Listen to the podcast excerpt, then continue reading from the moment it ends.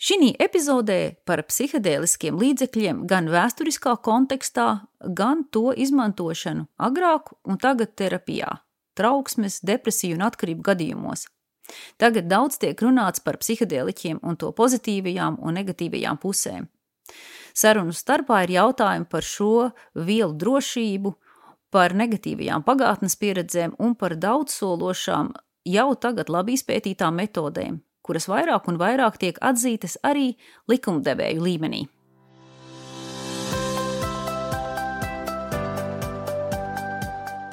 Sveiki podkāstā Noderīga psiholoģija. Mani sauc Evija Volfa. Es esmu psiholoģijas doktore. Mani podkāsti ir domāti tev, ja tevi interesē psiholoģija, gan kā zinātne, gan kā noderīga prakse. Varbūt tev ir kādi konkrēti tev svarīgi mērķi, ko tu gribi sasniegt.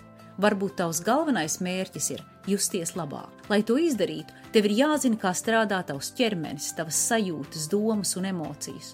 Un arī ir jāzina paņēmieni, kurus pielietojot, tu vari mainīt savu ķermeni, apziņu un jūtas. Es ceru, ka informācija, ar kuru es dalos, tev palīdzēs veidot jaunu un pozitīvāku stāstu par sevi.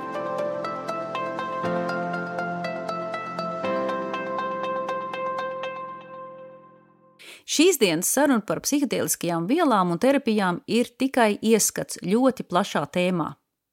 Tāpat kā pagājušajā reizē, kad runājām par emocijām, arī šodienas epizodē man talkā nāk Ruta Virbule. Sveika, Ruta! Sveika, Evija! Prieks atkal ar tevi tikties! Jā, kā jau jūs zinat, ja klausījāties iepriekšējo epizodi, Ruta ir studējusi un praktizē transpersonālo psiholoģiju.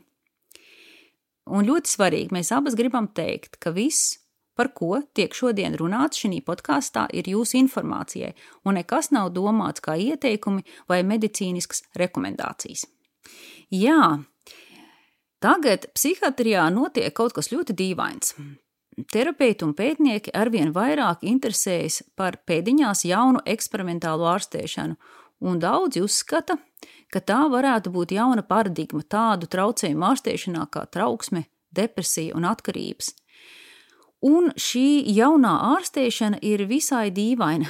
Pirmkārt, lai gan tā ir ārstēšana ar zālēm, nepastāv dienas dozēšanas schēmas, kādas mēs zinām pie tādām lietām kā antidepresantiem vai antipsihotiskiem līdzekļiem.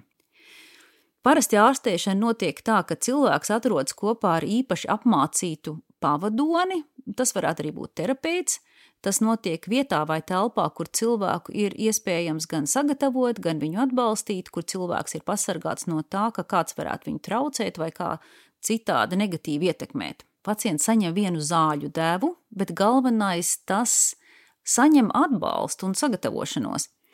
Un veiksmīgos gadījumos cilvēka simptomi daudz mēnešu laikā ievērojami samazinās, un atkārtota dozēšana nav nepieciešama.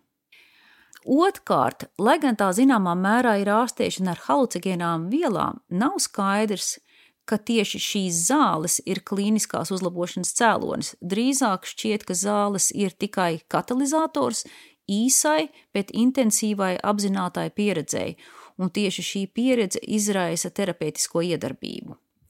Un treškārt, visdīvainākais ir tas, ka pieredze, kas šķiet noved pie vislabākajiem rezultātiem, ir tāda, ko pacienti raksturo kā mistisku vai garīgu.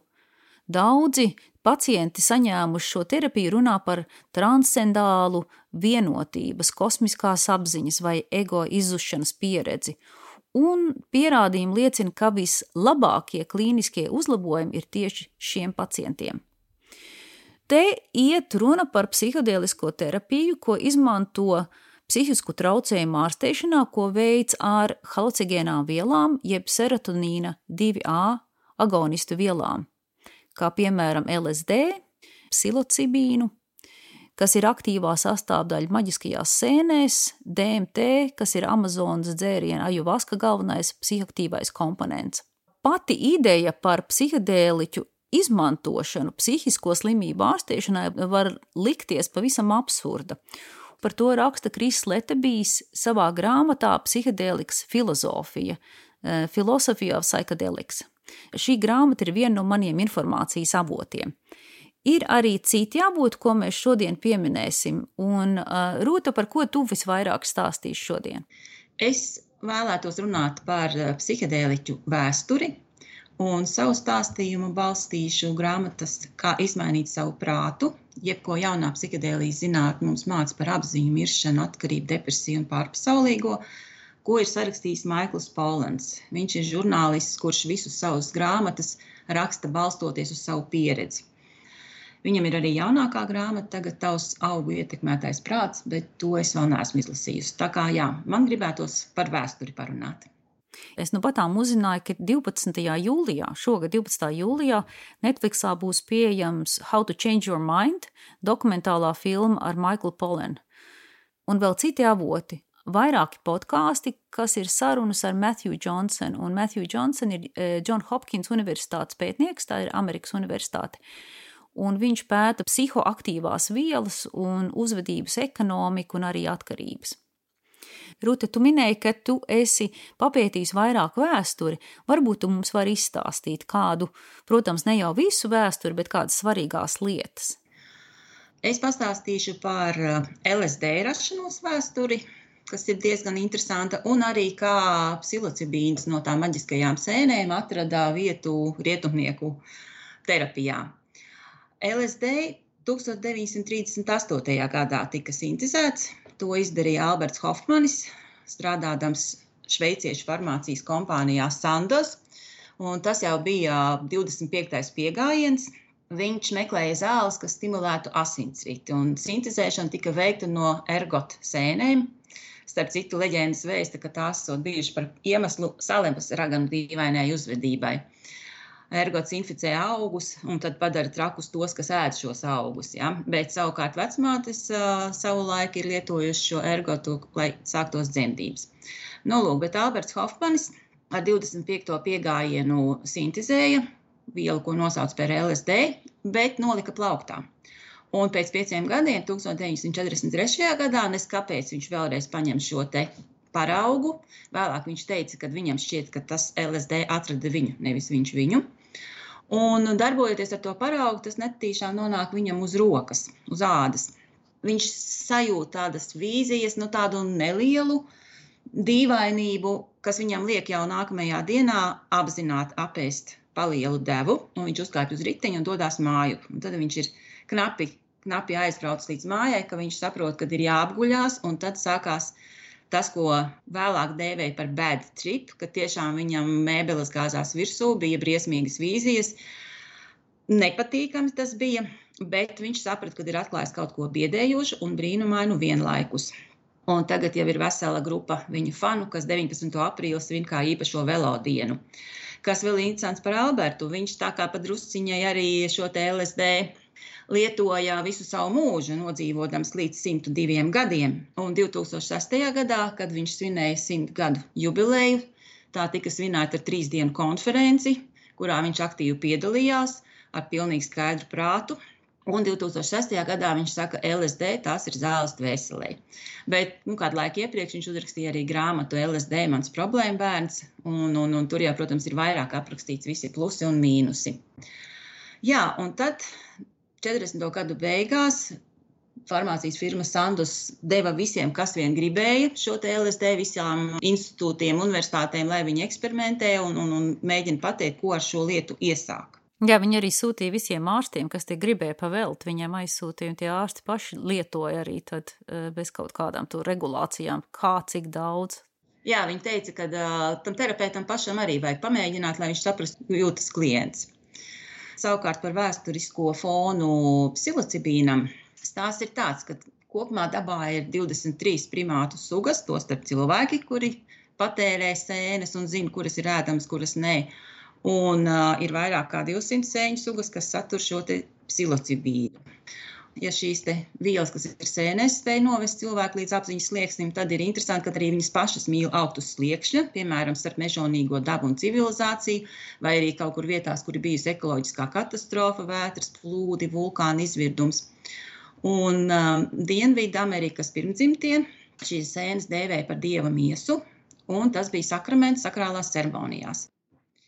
Uh, Spāņu iebrucēji savukārt to nodēvēja par vēlna miesu. Jo tas bija diezgan liels um, konkurents kristīgajai baznīcai, kur, kā jēzus miesas piedāvāja kaut ko, no kā nekādas vīzijas neradās.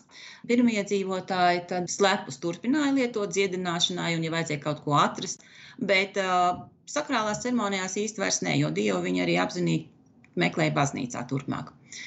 Jā, cik interesanti viņi nodalīja, ja, ka tās psihedēliskās vielas tiek lietotas vairāk ārstēšanai, un cik interesanti, lai atrastu pazudušus priekšmetus ja, vai cilvēkus. Bet uh, dievam viņi pievēršas pavisam citā, citā telpā. Tas ir kristīgais dievs. Ļoti interesants atrisinājums. Jā. Rietumu pasauli par maģiskajām sēnēm uzzināja 1957. gadā no 15 lapušu gara raksta žurnālā Life 13. maijā ar nosaukumu Sēnes, kas izraisa dīvainas vīzijas. Un tur bija aprakstīta pirmā rietuma cilvēka pieredze psilocibīna lietošanas laikā. Sēnes pēc 20 gadu ilgas meklēšanas bija atradis Manhetenes banķieris Roberts Vassons. Savukārt tas pats Alberts Hofmanis tika jau pēc gada pie šīm sēnēm un 1958. gadā sintēzēja psilocibīnu. Un, uh, tad jau ar šīm mazajām baltajām tabletītēm pats aizbrauca pie Meksikāņu Marijas, kurā pagaršoja arī šīs tabletītes un teica, mm -hmm, tas sniedz tādu pašu efektu kā viņas svētie bērniņi. Bet tāpat laikā viņi ar skumjām konstatēja, ka tagad tie bērniņi ir zaudējuši savu nevainību, jo viņi jau ir devušies rietumu pasaulē. Nu, tāds ir stāsts par to, kā radās LSD un kā radās uh, psilocibīns. Tas tiek dēvēts par divām zīmīgām molekulām, kas 50. un 60. 60. gados satricināja rietumu pasauli. Jā, tu pieminēji to Robertu Vasonu, ja? Man liekas, ļoti interesants stāsts. Tu teici, ka viņš bija precējies ar uh, krievieti Valentīnu, un Vasons ir arī etnobiologs un etnomikologs, un mikologs ir cilvēks, kurš strādā ar fungiem un sēnēm, un Valentīna to zina, jo viņa, cik es saprotu, viņa ir ārste un viņi vairākus gadus pēta tās sēnes, un tad viņi nonāk pie secinājuma, ka ir tie saucamie mikofīļi un mikofobiķi. Tā kā nu, tie, kas mīl sēnes, un tie, kas baidās no viņām. Un izrādās, kā viņi iedala, ka tie mikofīļi, pie mikofīļiem pieder slāvi, un pie mikofobiķiem pieder skandināvi. Un latvieši ir uz robežas. Un tad es tā domāju, kur tad tie latvieši ir, vai pie fīļiem, vai pie fobiķiem. Un tas ir interesanti, jo, piemēram, man vīram ļoti patīk lasīt sēnes. Man vispār nepatīk lasīt sēnes. Ja man jālasa sēnes, tad es eju uz tirgu lasīt sēnes, bet es man patīk. bet es nerunāju par šīm maģiskajām sēnēm. Paklā, bet vai tu zini, kā radās šis nosaukums psihedēliķi? Nu, stāsti. Hmm. 1956. gadā rakstnieks Aldous Huxlijs Viņš ir liels izmainītu apziņas stāvokļu fans. Un terapeits Humfrijs Osmans nolēma, ka vajadzētu kaut kā šīs maģiskās vielas, kuras līdz tam diezgan dažādi dēvēja un kaut kā bija saistīts ar psihiatriju un ar slimībām, ka vajadzētu šīs vielas kaut kā nosaukt. Kādā sarakstē, kur dzējas rindās Hakslīs lika priekšā vārdu fanerotīms, kas grieķu valodā nozīmē garu manifestācija, Osmans atbildēja rindām to fall in hell, or so are angelic, you'll need a pinch of psychedelic. lai iekristu ellē vai planētu kā eņģēlis, tev nepieciešama drusciņa psihedēliķa. Un grieķu valodā tas nozīmē prāta manifestāciju. Un tā radās vārds psihedēliķis, un tajā laikā tas vēl nebija ieguvis to bēdīgi slaveno hipiju laika auru. Un vēl Staņislavs Grofs, kurš vēl 70. gados apmācīja psihiatrus, kā darboties ar psihedēliķiem, teica, ka tie ir tikpat nozīmīgi psihiatrijā kā mikroskops bioloģijā vai teleskops astronomijā. Psiholoģijas novirziens, kurā es darbojos, transpersonālā psiholoģija, arī strādā cita starpā ar paplašinātiem apziņas stāvokļiem Bet te es gribēju uzsvērt to, ka apziņu var izmainu, izmainīt ne tikai ar psihedēliķiem, arī ar meditāciju, ar šamaniskiem ceļojumiem, ar vizualizāciju, holotropo elpošanu, ko ieviesa tas pats Grofs, kurš strādāja ar LSD, bet kad LSD tika aizliegts, tad viņš ieviesa šo holotropo elpošanu. Un, piemēram, Abrams Maslavs esot varējis nogulties un aiziet ceļojumos vienkārši tāpat uzreiz neko nelietojot. Viņš arī dzīves nogalē paplašināja, jeb atvēra savu vajadzību piramīdu, izveidot to liekot virs pašrealizācijas vēl transcendenci. Un man pašai kāda ir bijusi pieredze, es neesmu lietojis psihedēliķus, bet, manuprāt, līdzīgu pieredzi es guvu vizualizācijā pirms gadiem pieciem, kur mūs vadīja uz savu piedzimšanas vai rašanās brīdi, bet es aizkļuvu līdz tam, kad redzēju sevi kā aizvēsturisku zivi, rāpjoties laukā no ūdens, un es tādu zivi mūžā nebiju redzējis. Un pēc tam es aprakstīju un meklēju Google attēlu, un es arī atradu to attēlu, un tas viss bija nedaudz dīvaini. Un tajā pašā laikā man ir sajūta tagad, ka es nesākos un nebeidzos šo ķermeni. Un tas man dziļi iesēdās, es pat nezinu, vai man ir vairs vajadzīgi psihedēliķi. Jā, tā mistiskā pieredze ir ārkārtīgi svarīga. Jā, un tā kā tu saki, psihedēliķi nav vienīgais veids, kā to panākt, bet daudz tiek runāts par to, ka caur meditācijām paiet ilgs laiks, tas prasa ilgus mēnešus, gadus un, un, un dekādas, jā, un ka caur šīm uh, psihedēliskajām pieredzēm, terapijām to var iegūt vienā, vienā momentā, vienā reizē, nu ne momentā, bet vienā dienā. Bet runājot par mistiskajām pieredzēm, pētījumi rāda, ka pacienti, kuriem ir vislielākais psiholoģiskais iegūms no psihedēliskiem pārdzīvojumiem, jeb terapijām, ir tie, kas apraksta šādu mistisku pieredzi.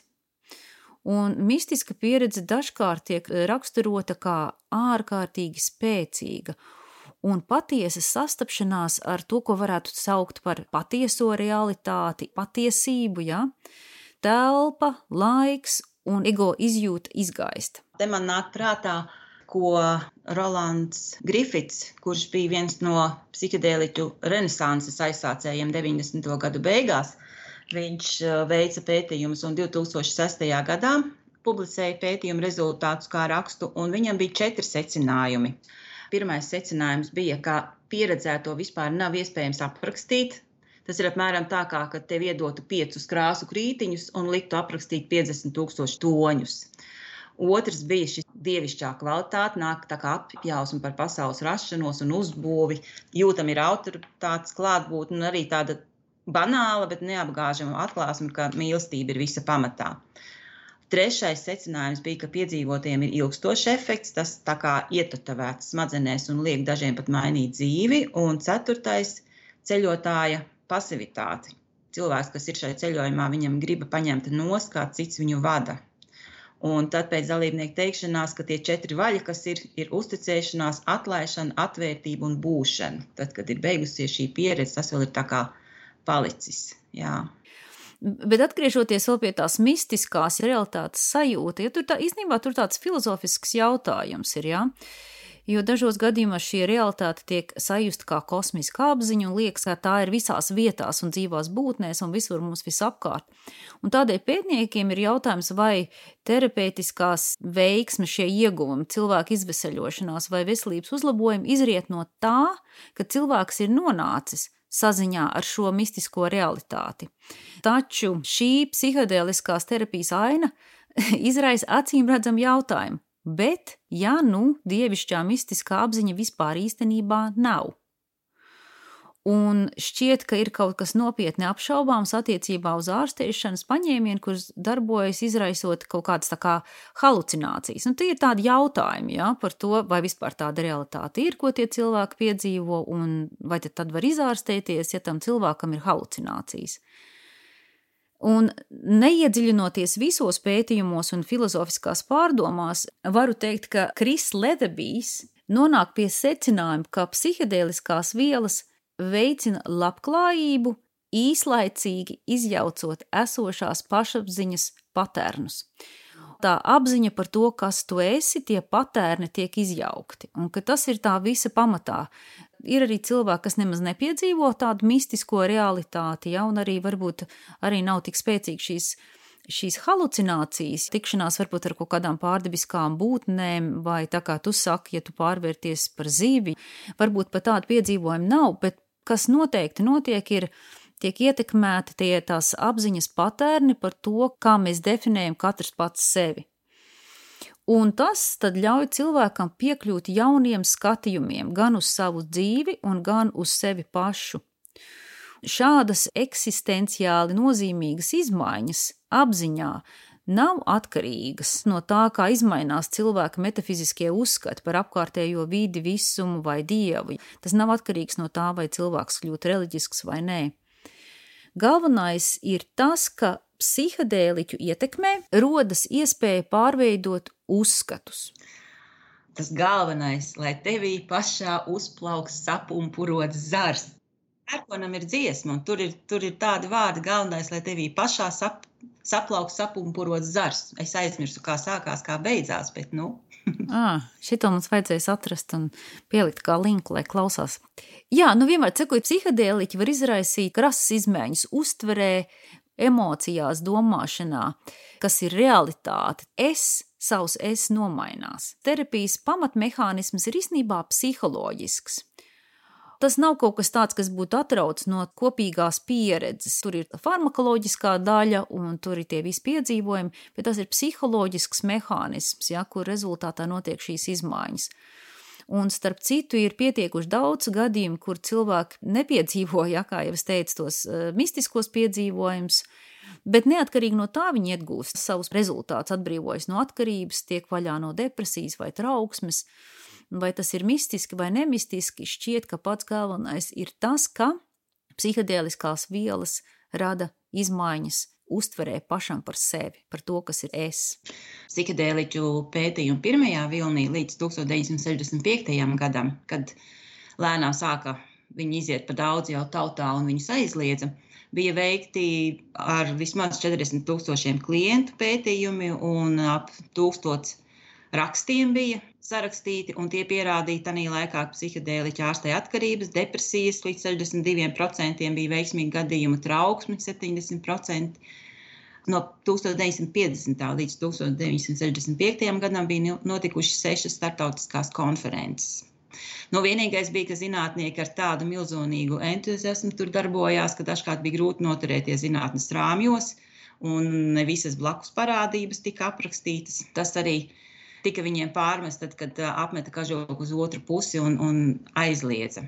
Bet kamēr viss vēl sita augstu vilni, starp slaveniem pacientiem bija arī režisors Stanlijs Kubriks un aktieri Džeks Nikolsons un Kerijs Grāns. Un Kerijs Grāns, kurš savos 55 gados veica vairāk nekā 60 sesijas, viņš bija tādā sajūsmā par rezultātu. Pats teica, ka viņš no egocentriska narcisa kļuva par patīkamu nevis nīgru britu džentlmeni. Bet nu, tā laikā, ja tās sesijas, kā mēs zinām, LSD dalīja pa velti, tā farmācijas kompānija, bet sesijas maksāja līdz 500 dolāriem. Tā kā tas nebija nemaz tāds lēts prieks. Par vēsturi varbūt var pieminēt par Harvardas Universitātes ievērojumiem profesoriem. Jā, nu viskaļāk jau arī ir izskanējis Timotejs Lerijs, kurš kopā ar Richardu Alpertu 1960. gadā Harvardas Universitātē sāka pētījums ar psihedēliķiem. Un viņi ļoti aizrāvās, un viņi deva arī LSD universitātes absolventiem. Viņiem bija tāda vienošanās ar vadību, ka tikai absolventiem dos. Bet, protams, šis noteikums ar laiku tika apiets. Richardam Alpertam bija arī studentiem, viņš deva arī studentiem šīs de devas. Un tad kāds students uzvārdā Vēles, kurš nespēja nekādīgi iefiltrēties šajā grupā, uzrakstīja atmaskojošu rakstu par to, kas tur notiek. Viņam izdevās nošantažēt slavenā juveliera Harija Vinstona dēlu, kurš pret apsolījumu, ka viņu nesodīs, nodeva šīs grupas eksistences faktu dekānam. Viņš gan piebilda, ka LSD pamēģināšana bija visizglītojošākā pieredze visā Harvardas laikā. Nu, lūk, un tad Lerijs un Alberts bija pirmie Harvardas profesori, kurus atlaida no amata. Jeb, nu, pareizos, ko ar, pirms laika tika pārtraukts sadarbības līgums. Un uh, tikai pēc 30 gadiem pēc infarkta Alberts vēlam šo rīcību piedeva, sakot, ka tas tomēr bija labi, jo bez tā viņš nebūtu kļuvis par to, ko, kas viņš ir tagad, Rāmdas. Jo Alberts pēc visām tām nebūšanām devās uz Indiju, atrada savu guru, nomainīja vārdu. Tur arī ir interesants stāsts. Albertam bija kabatā LSD tabletītes, un tad, kad viņš bija aizgājis pie guru, Nu, guru saka, kas tev kabatā. Nu, viņš, protams, redz visu. Ja? Un tad Alberts iedod sauju ar tām tabletītēm. Tas guru paņem un apēd visas tabletītes. Albertam kājas vispār ir stīvas, jo viņš domā, ka tagad tūlīt guru atlaidīs galus un, un, un viss būs cauri. Bet guru pasmaida un viņš saka, nu, es šitajā dzīvoju visu laiku. Nu, jā, tas ir neliels stāsts par, par to Albertu. Jā, un, un, bet, ja runā, kad, kad uh, viņi bija tie, kas palaida tautās LSD, gluži tā nebija. Bet viņi tie ļoti labi reklamētāji, vai ne? Bet arī zama, zināmā mērā noved pie tā, ka tā aizliekšana notika. Zināmā mērā jā, jo principā tam LSD ir spēja atvērt harizmātiskus un mesijāniski noskaņotus cilvēkus. Tie, tie vienkārši paliek kā traki. Un tas arī ir paradoks, jo LSD no vienas puses, kā tu teici, izšķīdina ego. Taču tajā pašā laikā viņš arī spēlē lielu lomu ego inflācijā, jo dod sajūtu, nu, ka tagad, tagad mēs esam tikuši pie visām zināšanām. Un, un daudz, ne tikai Lerijas, ja, šo te no, nomēģinot, uh, gribēja skriet un visiem dot, un, un, un visiem dalīt, lai, lai visiem mainās tagad pasaules uzskats. Un, Un, piemēram, daudz skaļāks, nu, pareizi sakot, es pat teiktu, kaitīgāks piemērs bija rakstnieks Kens Kesejs, kurš uh, LSD bija nobaudījis starp citu CIP, centrālās izlīkošanas pārvaldes organizētā eksperimentā, kur pētīja, kā šo vielu varētu izmantot armiju. Un uh, Kesejs bija tādā sajūsmā, ka viņš ar savu grupu vienā ballītē vairākiem tūkstošiem jaunu cilvēku izdalīja LSD arī ar to pašu domu, lai mainītu paudzes domāšanu, lai rastos jauna, jauna kultūra, un, un, protams, tad valdībai aizvien grūtāk bija aplusināt make love, not war kustību un dabūt kareivis, kas dosies uz Vietnamu. Un, principā, ir dati, ka līdz 1969. gadam apmēram 2 miljoni cilvēku bija pamēģinājuši psihedēliķus. Bet uh, tiem, kas to mēģināja vest tautās, bija plāns, ka vajadzētu 4 miljonus, un tad kaut kas mainīsies. Tur, tur bija gan, gan skaitļots, gan domāts, kā to visu darīt. Bet, nu, tad, jā, 60. gadu beigās tika aizliegts. Un, manuprāt, pēdējie bija 1977. gadā, bija pēdējie oficiālie pētījumi Maryland psihiatrisko pētījumu centrā Springrovā. Un iespējams arī tikai tādēļ, ka šīs iestādes vadītājiem bija cieši kontakti ar ASV valdību. Baumoja, ka daži valsts vīri tur devās. Ir jāpiemina noteikti arī tās lietas, kur lietas aiziet greizi. Un te es gribu runāt par bailēm un to, ko sauc par to bad trip, ja, jeb sliktais ceļojums. Tādēļ, ka tā paša uztvere radikāli mainās, ka izzūtas es, ja tā sajūta. Psihedēliskās terapijas laikā var pārņemt milzīga baiļu sajūta un trauksmes sajūta. Tu sevi, principā, tu pazaudē, tu vairs neesi. Tā sajūta, ka tu sevi pazaudē, ka tu izīrsti, ka tevis vairs nav kā viena veseluma, var būt tik ļoti dezorientējoši, ka to ne visi var izturēt. Un tad to tad arī sauc par to bad trip, jeb slikto ceļojumu. Tad cilvēks var ne tikai negūt psiholoģisku labumu, bet īstenībā arī iestrēgt tajās halucinācijās un vajojušajās bailēs. Un tādēļ, teiksim, tās terapijas arī neiesaka cilvēkiem, kuriem nav tāds stingrs ego, jāspēcīgs ego. Tas var būt tādas uh, problēmas kā, piemēram, bipolārā disfunkcija un šizofrēnija Tādēļ ir svarīgi, ka blakus ir kāds zinošs pavadonis, terapeits vai kāds cilvēks, kas ir e, īpaši apguvis jā, šo metodi, kas var palīdzēt atgriezties realitātē un justies drošībā. Nu, piemēram, iedot roku, jā, nomierināt, iedot padzert ūdeni, lai tā sajūta nav tāda, ka vispār viss absolūti izzūd un atpakaļ ceļa vairs nav. Cita sajūta, kas var novest pie sliktām sakām, ir tad, kad realitātes sajūta ir tik ļoti izmainīta, ka cilvēks, piemēram, iedomājas, ka viņš var sākt lidot, un viņš kāpj ārā pa logu un laiž laukā no piektā stāva. Protams, tādas problēmas var arī notikt gadījumā, kad cilvēki ir iedzēruši, kad ir alkoholu lietojuši. Labākajos gadījumos, kuri, kā pētnieki saka, ir lielā vairumā, tomēr cilvēkam ir iespēja mainīt savus uzskatus, pārliecības un iestrēgušas attieksmes pret sevi un arī pret citiem. Un tādēļ viena no telpām, kur tiek izmantot šīs eh, psihedēliskās terapijas ar ļoti pozitīvām sekām, ir ne tikai saistīts ar pašu definīcijas nomaiņām, piemēram, es esmu smēķētājs un te es vairs neesmu smēķētājs, bet var arī tikt izmantots tādos gadījumos, kad cilvēks vēlas nomainīt savu autobiogrāfisko stāstu. Nu, ir kaut kāda krīze, vai cilvēkam ir smaga slimība, un cilvēks ir nonācis uz nāves sliekšņa. Tas varētu būt arī vecumdienās. Tad ar psihedēliķa terapijas palīdzību var veidot jaunu vienotību, jaunu sakārtojumu, arī savā autobiogrāfijā. Tā piemēram stāsta kāds vēža slimnieks, kā silocibīns izveda viņu cauri visam viņa dzīves stāstam un to viņš pārskata un pāraksta un veido kaut ko jaunu, kas ir integrēts un kam jau ir cita nozīme. Un vēža slimnieks stāsta, ka savas psihedēliskās pieredzes laikā viņš sastapās ar visu no jauna, ar savu bērnu piedzimšanu, ar laulībām, ar gardām maltītēm, ar izmežģītu potīti, ar katru drēbju gabalu, ko viņš bija nopircis, un viss likās tik ārkārtīgi nozīmīgs un dzīves. Un nebija viņam vairs nekāda doma par vēzi, un vēzis vispār nepastāvēja. Viss cits bija dziļš un pamatīgs un daudz nozīmīgāks. Pacienti, kuri saņem psihedēliķus, bieži vien atklāja jaunus veidus, kā izprast savas iepriekšējās pieredzes, un arī to, kā pievērst uzmanību kaut kam citam, kam agrāk uzmanība nav veltīta. Tā, piemēram, kāda sieviete stāstīja, ka viņai bija jauna izpratne par to, ka visā, kas notiek, viņas slimība nav pats svarīgākais.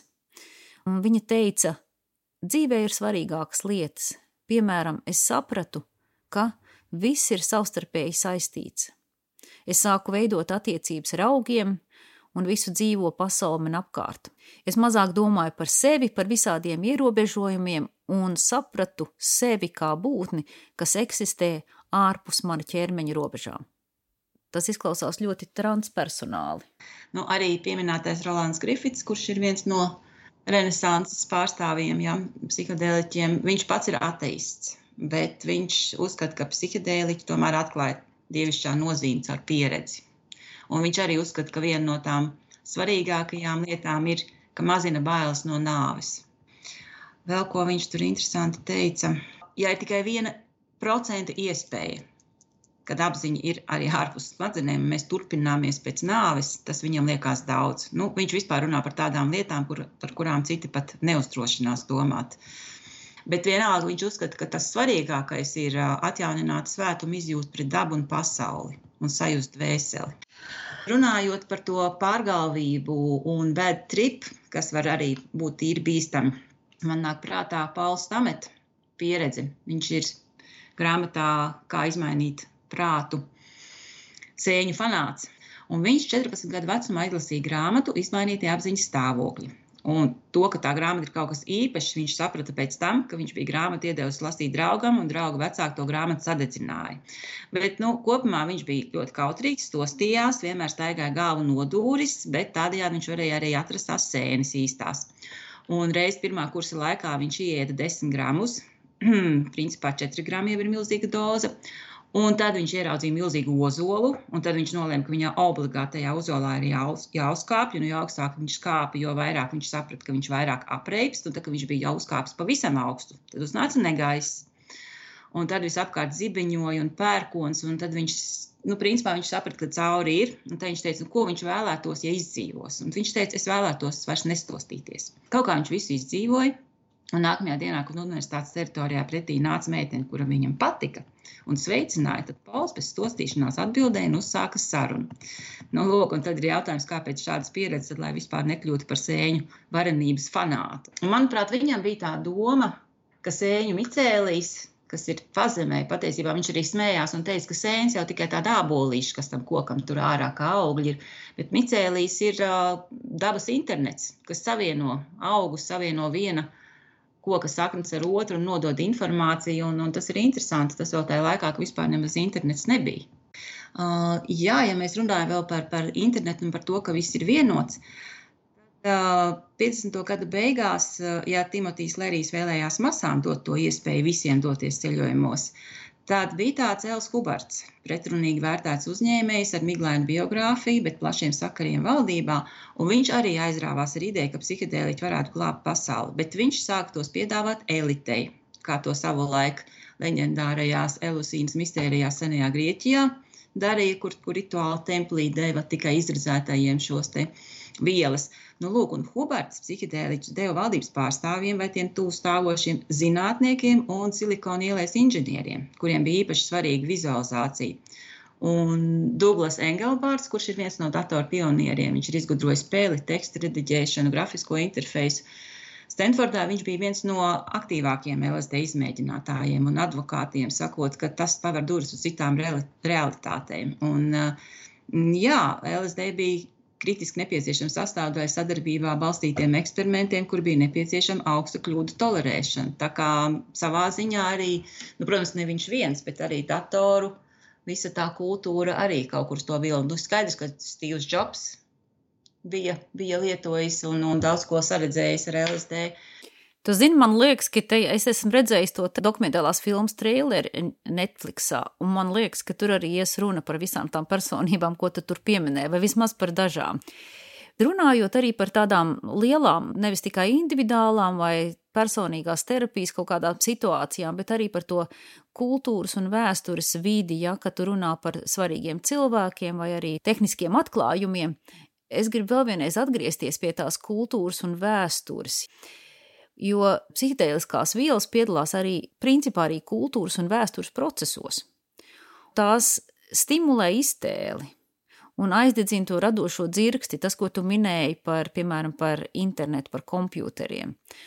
Un tas nenozīmē, ka visas idejas, kas rodas psihoaktīvi izmainītajos prāta stāvokļos, ir labas, bet dažas no tām tiešām ir labas ik pa laikam rodas kaut kādas jaunas idejas, vai idejas, piemēram, pret karu, pret Vietnamas karu, un rodas kaut kāda problēma risinājuma vai jauns veids, kā var aplūkot lietas, kā var skatīties uz problēmām, kas dod labumus ne tikai vienam cilvēkam, bet veselai grupai, un iespējams arī izmaina vēstures, vēstures gaitu. Doma par to, ka augi var radīt pārmaiņas kultūrā un vēstures ritmā, no vienas puses var izraisīt arī spēcīgas bailes. Un te es arī domāju par to, kāpēc ir tādi likumi, kādi tie tagad ir, un kāpēc arī notiek sodīšana par psihedēlisko vielu lietošanu. Arī ir skaidrs, kāpēc ir tāda vēsture, ja tā kā tu stāstīji, kad psihedēlisko vielu pētniecība un terapijas ir aizliegtas un ilgu laiku ir notikušas nelegāli. Lai mēs varētu izvairīties no pagātnes kļūdām un nezaudēt iespējas terapijā iekļaut psihedēliskās vielas, droši vien, ka ir jāmācās no tradicionālajām kultūrām, kur tādas lietas kā mesklīna vai ajavasku nelieto pavirši, bet kur tas notiek rituālu kontekstā pieredzējušu vecajo šamaņu uzraudzībā. Jo psihedēliskās vielas ir spēcīgas enerģijas pilnas. To rezultātā var zaudēt prātu vai iegūt jaunu saprātu. Paldies, Ruta! Man liekas, mēs esam iesākuši sarunu, kas droši vien vēl turpināsies. Es gribu tev teikt paldies. Es gribu teikt paldies klausītājiem. Ja jūs zinat kādus citus, kam šī informācija interesē, dalieties, sūtiet linku lai citi klausās, mācīsimies visi no tā, kas ir noticis pagātnē, un veidosim savu nākotni. Jā, paldies, Evī, par šo sarunu, un gaidām filmu, skatāmies filmu. Jā, visu labu! Atā! Visu labu!